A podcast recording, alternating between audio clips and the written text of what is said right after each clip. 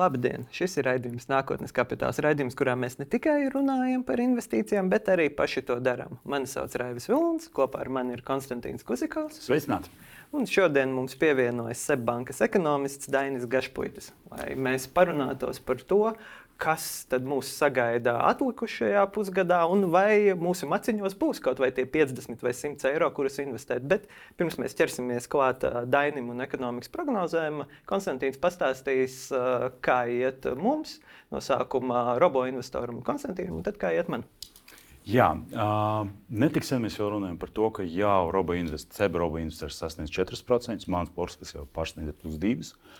Bet ir jāatzīst, ka septembris ir septembris septembris ir zināms ar to, ka vienmēr notiek kaut kādas korelācijas uz leju, īpaši ASV tirgu. Tas arī notika arī šoreiz. Jau robo investori ienesīgums samazinājās līdz plus 1,82%. Un, ja mēs paskatāmies ETF, kas tur bija, tad jā, samazinās pirmkārt Azijā, vēl ASV ETF turās, kā arī Japāna. Viņi vēl ar plus zīmēti, bet Eiropā arī aizgāja uz leju. Vēl uh, aktīvs fonds uh, 80F arī turas ļoti labi. Vēl ir uh, zaļā zona. Ja mēs runājam par manu portfeli, kas pārsvarā tiek sastādīts no ASV akcijiem, tad nu, pienāca tāda nu, teiksim, melni laiki. Jo no četrām akcijām, kā Disney, vai Mosaic, vai Next Energy, vai Coca-Cola, es ierodu pietiekami liels mīnus, īpaši uh, Disney un īpaši uh, Next Energy. Jau tuvojas viņa mīnus pie minus 100 eiro. Pārējais akcijas, tas aptuveni 11 no, no 15 akcijiem, vēl joprojām ir zaļa zona. Bet tomēr tas ļoti ātri ietekmē uz manu portfeli. Un es arī redzu, ka tieši akciju portfels samazinās.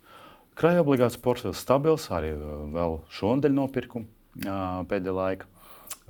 Krājuma obligāts un likme arī bija drusku augstāka, plus 3,95%.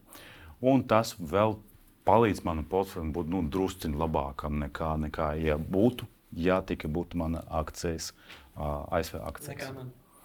Jā, tas ir drusku labāk nekā tev, bet tomēr, ja netiks sen, es vēl priecājos par to, ka jā, beidzot es redzu stabilu plusu un vairāku nedēļu garumu, tad tomēr es atkal tagad ir mīnusā. Bet kā veids tev?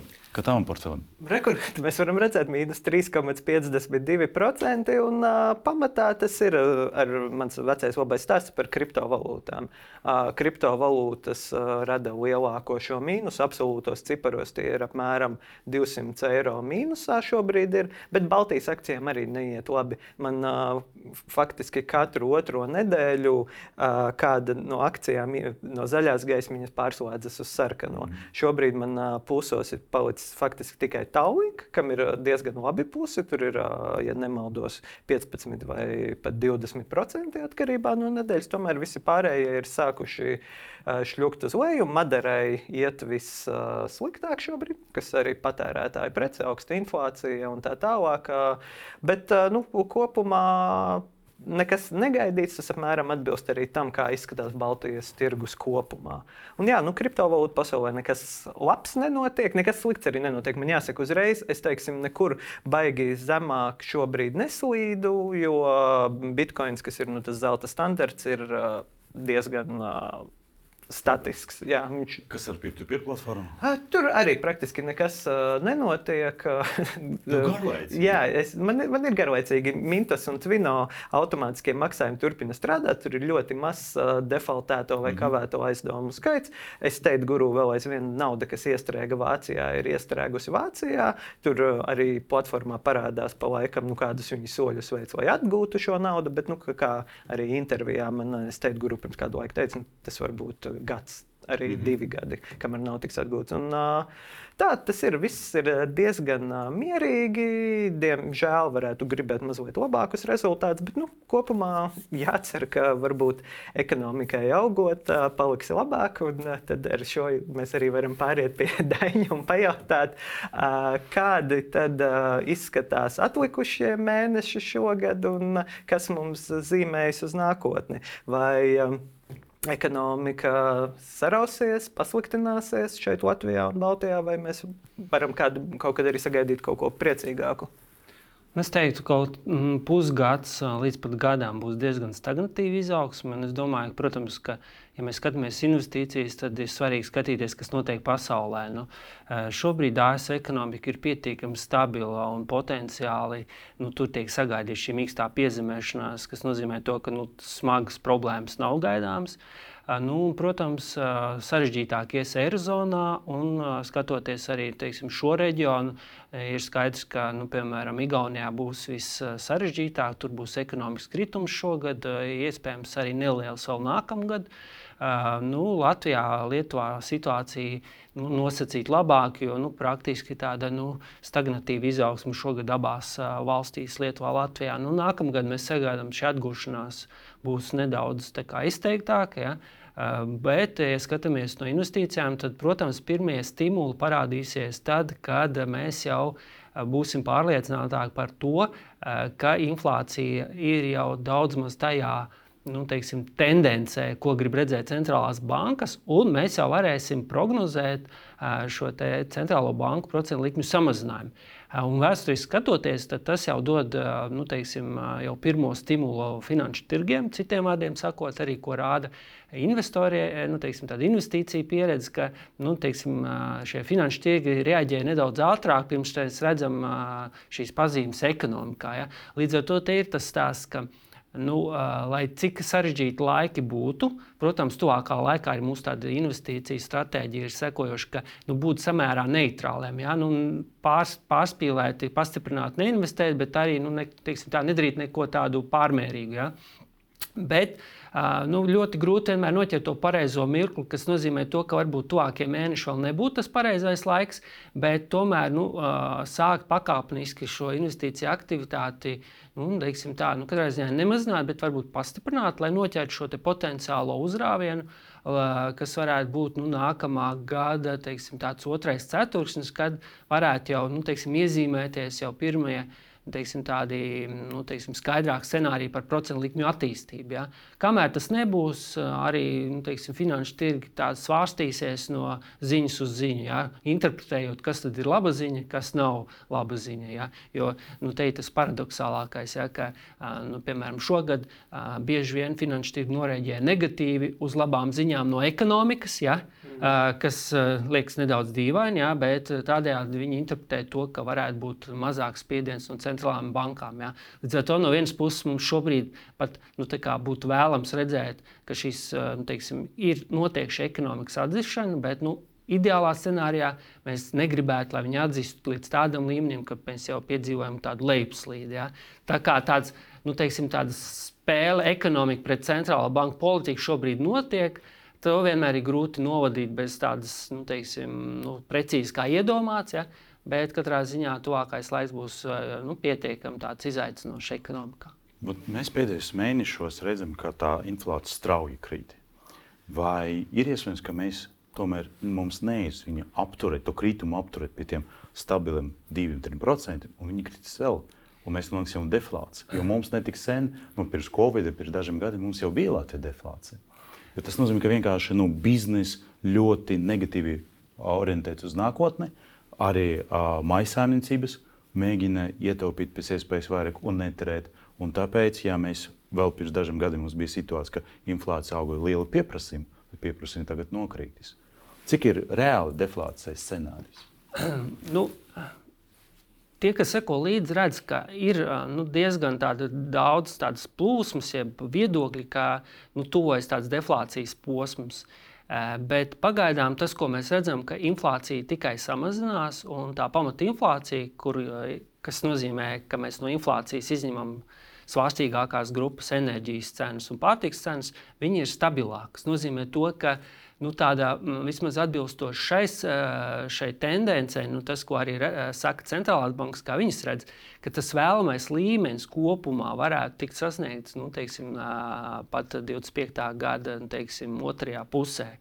Tas nozīmē, to, ka tas spiediens arī uz procentu likmēm, teiksim, kredītziņā, cenu ziņā, ja, tas būs pietiekami ilgstošs. Uh, tas, ko jūs sakat, jā, ka deflācija varētu būt uh, vairāk uh, preču grupās, ja, kad, un tas arī notiek tādos posmos, tad, kad ir pilnas jaudas, un tev ir uh, pieprasījums krīt, un tev jārealizē. Un tas ir laid cenu uz leju. Bet kaut kādā mirklī tu tās jaudas pieregulē un atlaid cilvēkus vai kā, un tad, protams, šis deflācijas spiediens izzūd. Šobrīd mēs redzam, ka atsevišķās grupās ražotāju cenās parādās jau patēriņa precēm ar uh, ražotāju cenās šī deflācija. Bet eh, nu, tas, ko eh, nu, teiksim, līdz patērētājiem tam vēl ir jānonāk. Jā. Un visticamāk, pilns šis kritums nebūs. Tīpaši tā, tādēļ, ka nu, mēs redzam, ka tās enerģijas cenas ir pietiekami augstas. Mm -hmm. Neskatoties to, ka viņas ir kritušās, vēsturiski viņas ir augstas. Uh, Daudz uzņēmēji ir, ir bijuši spiesti un turpina celt cenas, tādā ziņā algas, ja, izmaksas. Tas nozīmē, to, ka arī nu, viņu tā, tas, tā iespēja daudz nu, pazeminēt cenas īsti nav. Un te ir tā problēma, ka nu, cenas krīt nelabprāt nu, viņas nu, pamatā tomēr eh, nu, nekrīt. Nu, ir jābūt tādiem ārkārtas situācijai, apstākļiem, eh, kādēļ mēs redzam, ka tas notiek piemēram atsevišķās grupās, piemēram, piena produkti, kad tev vienkārši ir un tev ir jā, jāpārdod vai Jā. nevar. Un tad laika tas pielāgojās un tik un tā tas, teiksim, tas cenu kritums nav nu, teiksim, mūžīgs. Jā.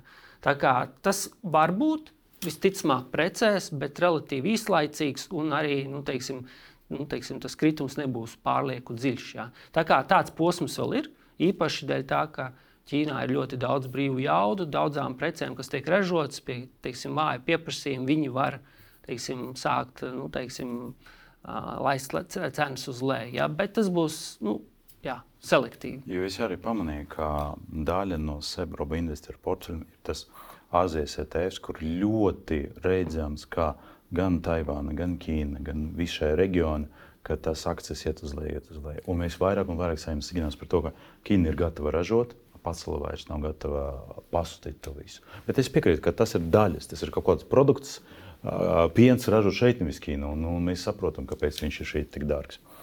Bet vai es pareizi saprotu, ka mēs principā orientējamies uz to, ka tie 3%, kas tiek uzskatīts par tādu tā normu, ka mēs viņu arī nākamgad neieraudzīs, jo projām inflācija būs virs tā. 25. gads jūs pieminējat. Nu, centrālās bankas gribētu redzēt vēl zemāk, tie, tie 2%. Jā, jā, jā. Tāpēc arī tas stāsta par to, kādēļ nu, ir ekonomiski kopumā bažīgi par to, ka nu, iespiest šo inflāciju pie tiem diviem procentiem var būt pietiekami sarežģīti un kaut kur ekonomika vai patēriņš tomēr nu, neiztur to spiedienu. Ja. Uh, nu, līdz ar to ir tas, tas neparedzējamais, ja, kas ir kādēļ arī tā, varbūt, tā nenoteiktība. Uh, nu, ir pietiekami augsta, to, uh, neskatoties uz to visu, ka ekonomika līdz šim ir turējusies pietiekami braši, ja tā var teikt, arī Latvijā. Uh, neskatoties uz to visu.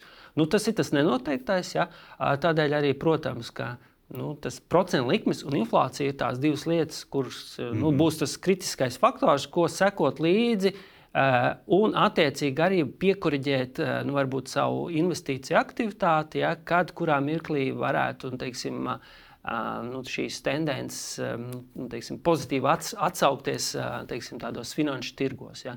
Bet tikmēr, protams, var izmantot tādus, kā jūs izmantojat, un teicāt, obligācijas, ja tuvākā gada laikā bez galvas sāpēm nopelnīt savus 4%. Nu, tas ir Tas, tā ir laba iespēja, ne, ne, nesatraucoties par, par kaut kādām lietām, ja, piemēram, kas negrib akceptēt sarkanas krāsas investīciju portfelī. Mm -hmm, jā. Jūs uh, sakat, ka cenas nelabprāt krīt, un tā ir taisnība. Mums arī Delfos pirms pāris nedēļām bija par raksti par pārtikas cenām, kur Rebaltika kopā ar maniem kolēģiem bija salīdzināšana. Tā tālāk. Bet vai pastāv iespēja, ka uh, rudenī, ziemā cenas varētu arī kāpt kaut kādos sektoros, ņemot vērā, ka nu, apkuras sezona, tātad uh, visiem en enerģētika apkuras sezona, arī naftas tirgus uh, šonadēļ kā kāpa tagad pēdējo laikam naktī uz piekdienu mazliet nokritās tās cenas, vai mēs varētu redzēt vēl kaut kādu cenu kāpumu vismaz patēriņa sektorā. Jo benzīns pēdējā laikā spūna vispār stāv uz vietas. Nu, pēdējā mēneša laikā ir teiksim, paudzes, un tas enerģijas tieši no naftas cenu puses varētu būt tas, kur mēs varētu piedzīvot vēl pieaugumu cenu ziņā. Teiksim, degviela varētu augt. Um, tur, tur gan spekulanti ir šobrīd iekāpuši tirgu diezgan um, apjomīgi, kas uzkurina šo cenu ralliju. Un, protams, ka arī Saudārābija sadarbībā ar Krieviju tomēr ir ierobežojuši mm. naftas piegādes. Gan arī pārstrādātāji izmanto situāciju, kad ir labas peļņu maržas un to labi nopelna. Līdz ar to tas viss šobrīd rada, ka mums nedaudz vairāk jāmaksā. Kur varētu kāpt? Nu, uh, nu, uh, Ļoti iespējams, ka tās, tas sarežģītākais ir tas, ko es jau minēju par pamatu inflāciju, kas ir pakalpojumi, kur nu, tā iespēja optimizēt izmaksas vai celt produktivitāti ierobežotas, kur varētu būt, šis cenu spiediena, teiksim, nu, kaut vai viņš pat krītoši, bet saglabāšanās nozīmē, ka turpinās cenu pieaugums. Ja? Uh, nu, to apstādināt varētu būt grūtāk, un tādēļ arī šis risks, ka centrālās bankas redzot šo pamatu inflācijas noturību, var uh, lemt par, arī par vēl kādu procentu likumu paaugstināšanu. Ja? Bet, protams, viņi to šobrīd nu, teiksim, neafišēs, ka tas tā būs, bet viņi, protams, vēros šai tendencei, lai tas cenu kāpums būtiski neturpinātos. Ja? Respektīvi, lai viņš tomēr nu, tādā tendencē būtu redzams, ka tēmē uz tiem diviem procentiem. Ja? Un šobrīd mēs vēl esam diezgan tālu. Tas viss nozīmē arī tādu zināmu nenoteiktību uh, to, par to visu un ap to visu, pat arī visu nākamo gadu. Vai mēs varam pateikt par to, ka mēs jau esam ekonomiskā krīze, vai mēs vienkārši esam nu, tāda dīvaina ekonomiska situācija? Nav krīzes, ir krīzes pazīmes, kā 90. gados par banku krīzi rakstīja viena avīze. Šobrīd es teiktu, ka nē. Šobrīd tāpēc arī mēs runājam, ceram, un arī kopumā ir tas konsensus, ka ASV būs soft landing. -hmm. Tas nozīmē, ka tā atzīšana notiek tā, ka mēs nepiedzīvojam lejupslīdi. Eirozonā mēs redzam, ka arī kopumā vidē Eirozona izvilks ar nelielu izaugsmu, bet, protams, ja skatāmies reģionāli, tur ir krasas atšķirības. -hmm. Un, kā jau minēju, Igaunijā būs dziļākais kritums. Bet nu, kāpēc Igaunija pēkšņi kļuva par outsideru starp mums? Nu, zināmā mērā tas ir uh, caur to, ka viņi tiešā veidā izjūta inflācijas uh, patēriņā šo te pirktspējas kritumu, jo viņi nu, zināmā mērā izšāva pulveri Covid gados, mm -hmm. tur ierobežojumi nebija, gan arī tiešākā veidā apstrādes rūpniecība un eksports un būvniecība ir daudz ciešākā mērā saistīta ar to, kas notiek Skandināvijā, īpaši Zviedrijā. Uh, kur Zviedrija arī ir viena no tām ekonomikām, kur ir, eh, būs lielākais kritums Eiropas Savienībā. Ja? Tur ar visu būvniecības apstāšanos uh, Igaunija to izjūt uh, ļoti spēcīgi. Un, protams, ka caur, caur, caur, um, caur Zviedriju, arī Vācijā mēs šogad kopumā tiek sagaidīts ekonomikas kritums, kas ir tāds teiksim, apjomīgs motors, kas šobrīd buksē. Vai šī situācija tagad ar Igauniju neatgādina situāciju ar Latviju? Astagāt, jo Latvija bija ļoti daudz investīciju no Krievijas pilsoņiem, nekustamā īpašuma īpašumu, mēs skatāmies jūrmā, un tad mēs ļoti tā nosēžamies un dziļāk aizgājam krīzi. Un Igaunija un Lietuvieši tajā laikā sāk attīstīt straujāk par mums. Vai šā, šoreiz nebūs situācija pretēji, ka viņam, es no saviem kolēģiem dzirdu, nu, nenormāli dārgi ir nekustamā īpašuma kļuva. Cilvēki nevar atļauties ar labām algām dzīvot Tallinā vairs. Viņiem bija jābrauc un jāmeklē kaut ko ārpus. Un tagad būs tā, ka viņi nosadīsies, bet mums par šo laiku mēs sāksim iet uz augšu. Un beidzot, varbūt, nu, mēs, varbūt mēs nepārstē, ne, neapsteigsim Igaunu, bet nu, sasniegsim to līmeni. Nu, te ir interesants aspekts, tieši tas inflācijas aspekts, un arī ka, ko rāda, ka tas apjoms it kā krīt, bet arī ko daudzas nozares, tā skaitā ir Latvijā un Eiropā, pat ja teiksim, ir kaut kas saražots vai pārdots mazāk, daudz kur nos, no, nosedz inflācija, jeb cenu pieaugums. Ja? Tāpēc arī Igaunija saka, ka jā, ir kritums, bet daudz nozares to to neizjūt, jo vienkārši tas cenas ir augušas un apgrozījums pat ir pieaudzis. Ja, tas daudz kur noslēp.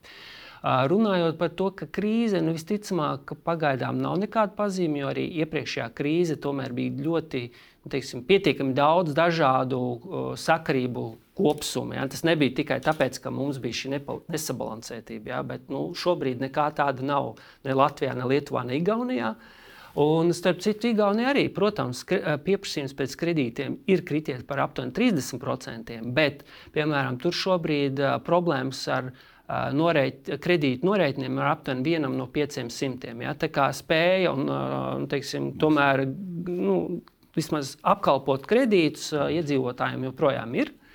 Protams, ir nozares, kur, nu, teiksim, kur, kur ir sarežģītāk. Ja? Tās pat moduļu māju ražotāji, ja, kas mm -hmm. ir tā tālāk.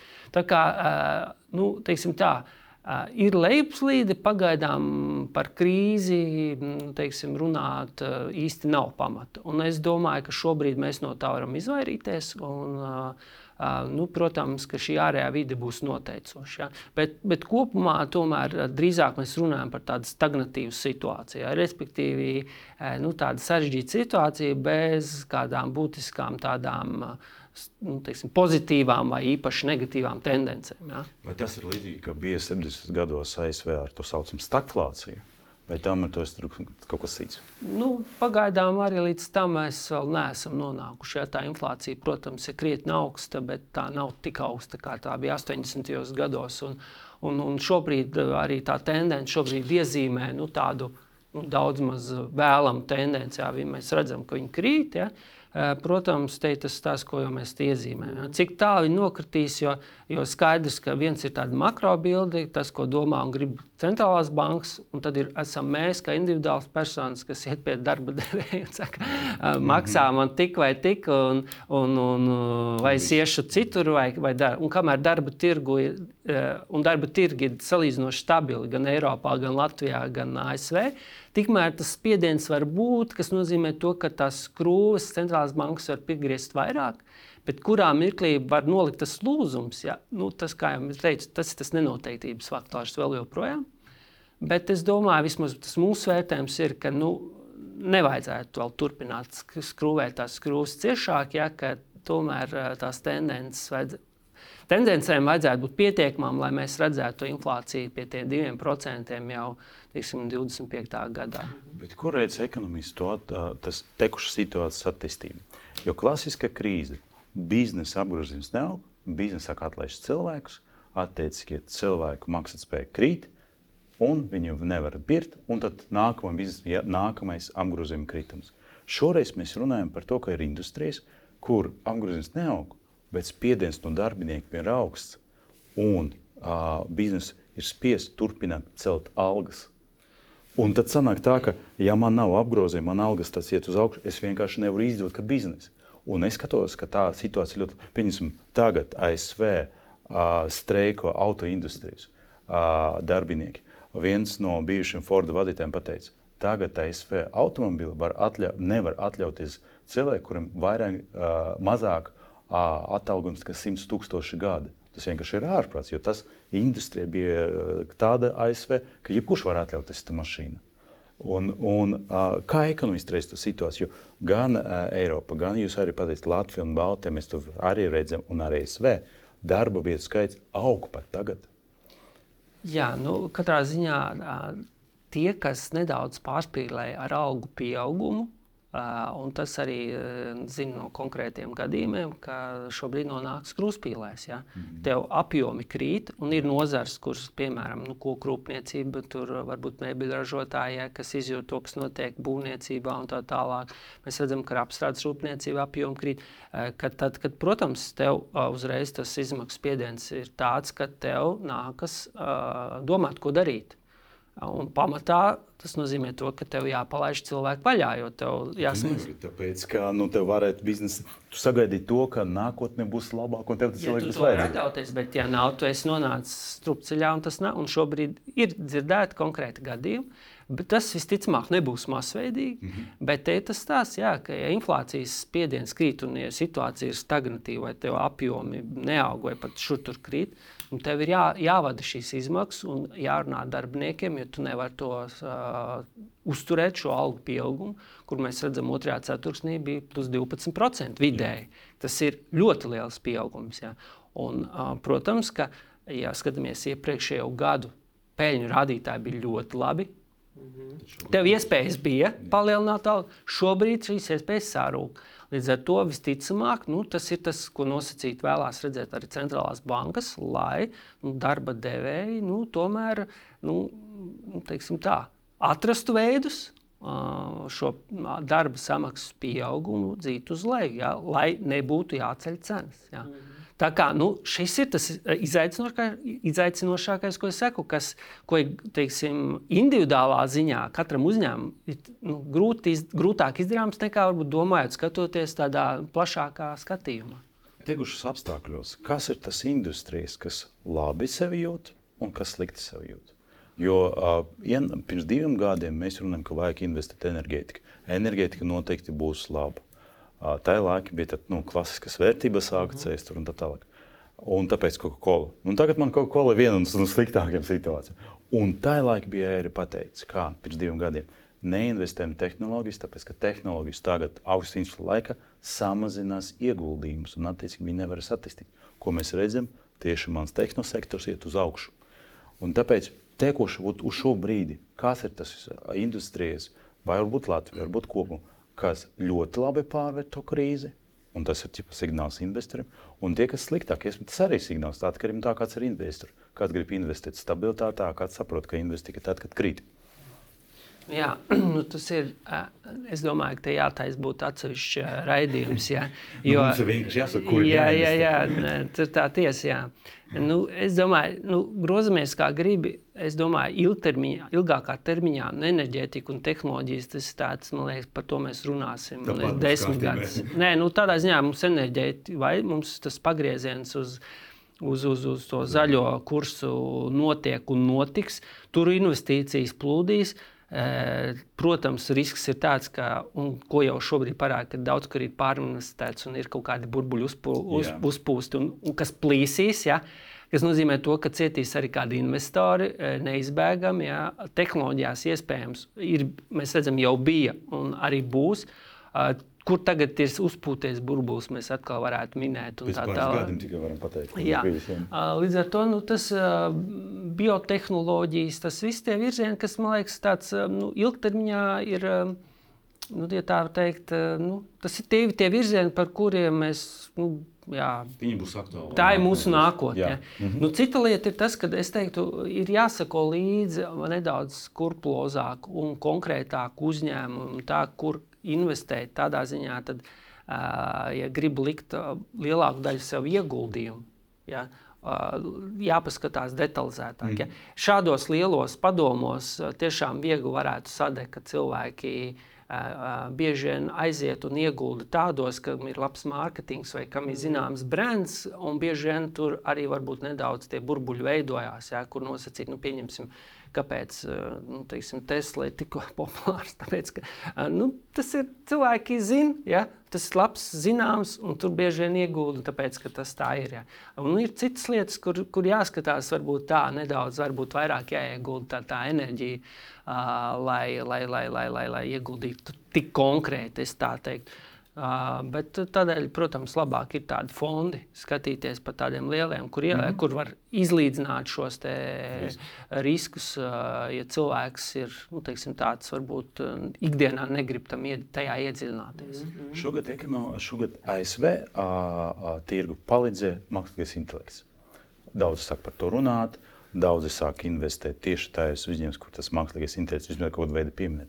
Bet no jūsu puses, no uh, cilvēka, kas skatās uz ekonomiku kopumā, vai tas ir burbulis priekš teiksim, zīmoliem, mārketingu un vērtspapīra tirgu, vai tomēr mēs varam sagaidīt, ka tas mākslīgais intelekts kaut kādā veidā palīdzēs ekonomikai augt?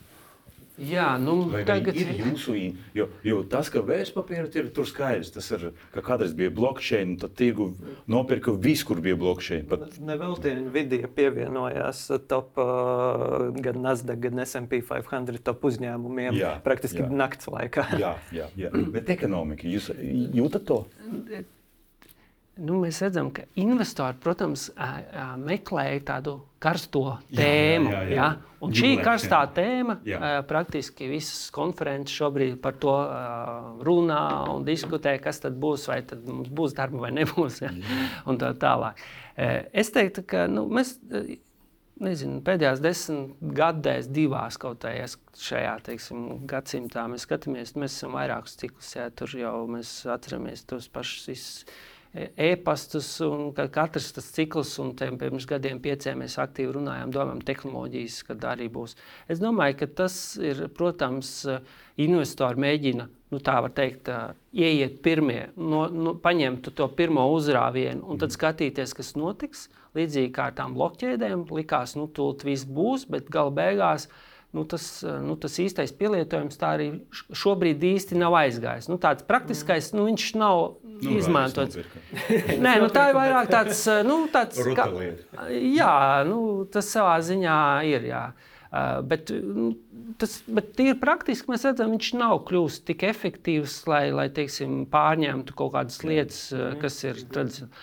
Es domāju, ka tas varētu būt līdzīgi. Ka, protams, tas ir diezgan wow izaicinājums, ko tas varētu spēt. Bet skatoties ilgākā termiņā, nu, es domāju, ka līdzīgi kā tās blokķēdes, tā būs daļa no mums. Bet, nu, vai tas pilnā, pilnā mērā pēkšņi visu teikt, pār, būs jāpārkārto visa dzīve, es par to šaubos, jā, darbs un tā tālāk. Liek, liekas, ka arī tagad jau sāk atzīt, man liekas, tas tāpēc, ka mēs visi no sākuma paspēlējāmies ar tām. Un pirmajā brīdī ChatGPT, Google, Barts un tā tālāk, arī parastiem cilvēkiem šķiet, wow, tas robots tiešām mums atbild, viss tūlīt darba mhm. vairs nebūs. Bet tad, kad tu ar viņu parunājies nedēļu, tu saproti, cik viņš ir dums, nu, cik viņam ir maz. Un man šķiet, ka arī investīcija pasaulē mēs jau varam redzēt tādu mazliet at atzīšanu.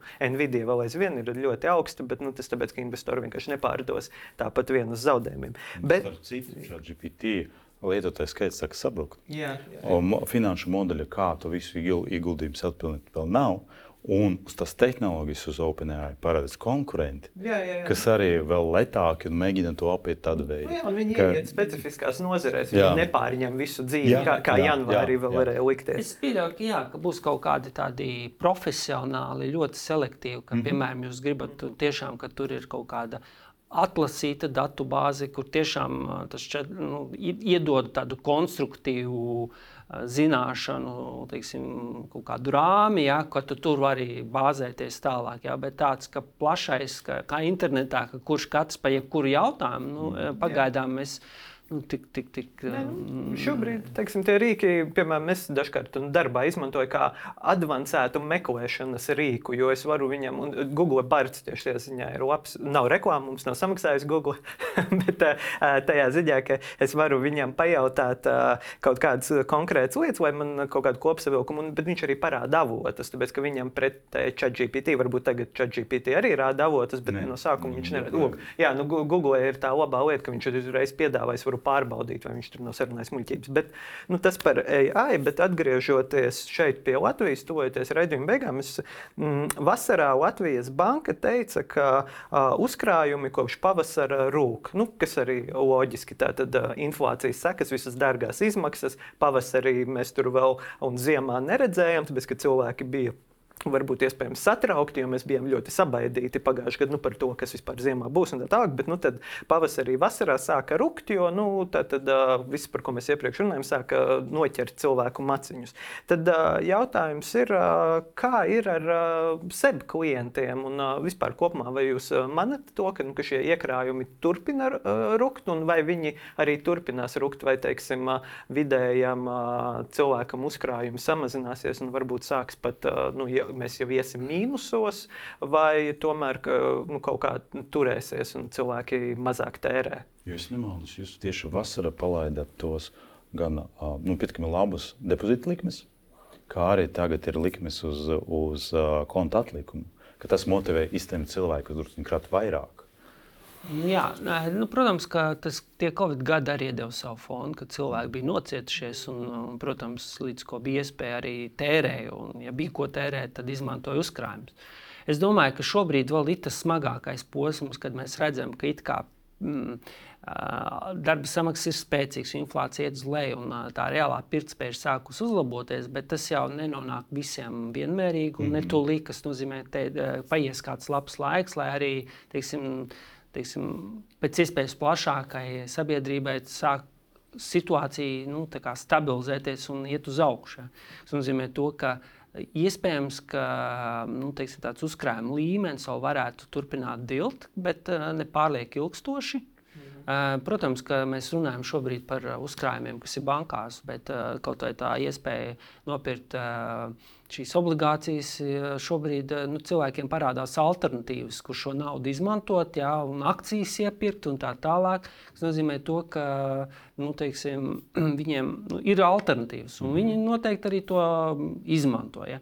Protams, ka ir tā daļa, un ir pietiekami liela daļa, kam šie uzkrājumi ir bijuši mazi vai nekādi nu, tiem, protams, tā situācija stabilizēsies un ilko, ilgstošāk un parādīsies pirmie nu, teiksim, brīvākie līdzekļi nu, vēl pēc labāk, ilgāka laika. Ja. Tā kā, protams, ka attiecībā uz tādiem nu, teiksim, papildus uzkrājumiem, nu, teiksim, Uh, nu, tā situācija nu, teiksim, tuvāko gadu laiku nebūs tāda brīva. Uh, Bet nu, tiem, kam ir un tie, kas pieturās pie disciplīnas, un kā jūs arī esat runājuši šeit, ka disciplīna ir numur viens, Jā. ka tomēr ir svarīgi turēties. Ja? Pie tā, ka, nu, lai ir kādi laiki, tomēr mēs kaut kādu nu, teiksim, daļiņu mēģinām atlicināt, ka nu, tie saglabās. Jā. Mēs redzam, nu, ka vēl pagaidām nav tā, ka būtiski nu, teiksim, samazinātos tādi arī šādi, šāda veida tēriņi. Jā. Bet skaidrs, ka spiediens ir. Bet, uh, nu, tādu, tādu nu, teiksim, uzplaukumu. Jā, nu, vēl tam viss jāpagaida, jāpagriežās tam ekonomikas kuģim tā, lai tas algu pieaugums un inflācijas kritums uh, atspoguļotos tajā, ka cilvēkiem atkal nedaudz brīvāk ar finansēm paliek. Jā. Mhm. Un, protams, ziema arī, kad nāk vēl papildus tie rēķini, kas arī nu, šo, šo iespēju, nu, ja tā var teikt, nedaudz pieturēs. Jā. Bet, nu, nu, Pozitīvā ziņa ir tāda, ka mēs tomēr redzam, ka darba tirgus ir pietiekami stabils, jā, darba samaksa turpina pieaugt, kas nozīmē to, ka tas viss eh, sarežģītais fons ir vairāk prie, nu, teiksim, gulst uz vadītājiem, uzņēmumu īpašniekiem, investoriem, kur un kā investēt. Bet tādam varbūt eh, vienkāršam teiksim, darbiniekam nu, tāds lielākais uh, izaicinājums ir enerģijas rēķini, ja, rēķini un, un varbūt uh, teiksim, pārtikas cenas. Ja. Bet kamēr tev ir ienākumi, tas ir pats galvenais. Ja. Līdz ar to, kamēr ir ienākumi, mēs nu, neredzēsim arī nekādu būtisku krīzi. Uh, tas, ko mēs runājam, ja, lai būtiska krīze sāktos, nu, tad ir jābūt kaut kam tādam, lai nu, kaut kur uzņēmēji būtu spiesti masveidā atlaist darbiniekus. Ja? Tad, kad ekonomika apstājās, tur sektoros vienkārši masveidā laida vaļā. Ja? Un tad, protams, kad mēs neesam. Mēs, mēs nesam, mēs pat nu, šobrīd tāds scenārijs netiek izskatīts, un nu, nekas nešķiet reāls. Tas, tas ir galvenais. Jā. Līdz ar to tas viss tā piesardzība, stagnācija ir savas grūtības, bet nu, tas kuģis jau sāk griezt savu, teiksim, tā, savu galu uz to pozitīvo pusi. Ja? -hmm. Bet, nu, protams, vēl nu, kāda teiksim, pusgadiņš, gadiņš, teiksim, tas viss tā, tā griešanās notiks līdz tam. Jo, nu, tas karš, jā, vēl enerģijas, tas eh, joprojām nenoteiktība vēl turpinās. Nu, tā, tāda, tāda turbulencija vēl viegli turpina valdīt. Es domāju, ka vajag satikties pēc gada un vēlreiz tādu izrunāt. Un paskatīt šo raidījumu. Vai tā nebūtu tā, nu, vēl gadiņš. Bet, nu, jā, skatoties uz uh, investīcijām un uz portfeļiem, jā, nu, des, uh, desmit gadu griezumā, 20 gadu griezumā viens gads nav nekas traks. Bet, nu, protams, mūsu jau, skatītāji. Jau otrais. Jā, bet, jau otrais, jā. Bet, jā es teikšu paldies Dainim Gašpuitim, Sebbankas ekonomistam, paldies Konstantīnam un skatītājiem atgādināšu, ka jūs varat lasīt, skatīties, klausīties un visādi citādi citādi uzzināt par ekonomiku, nākotnes kapitāls LV. Tāpat mēs arī esam Spotify, Apple vietnēs un, protams, arī YouTube ir raidījums. Paldies! Visu labu! Paldies! Paldies.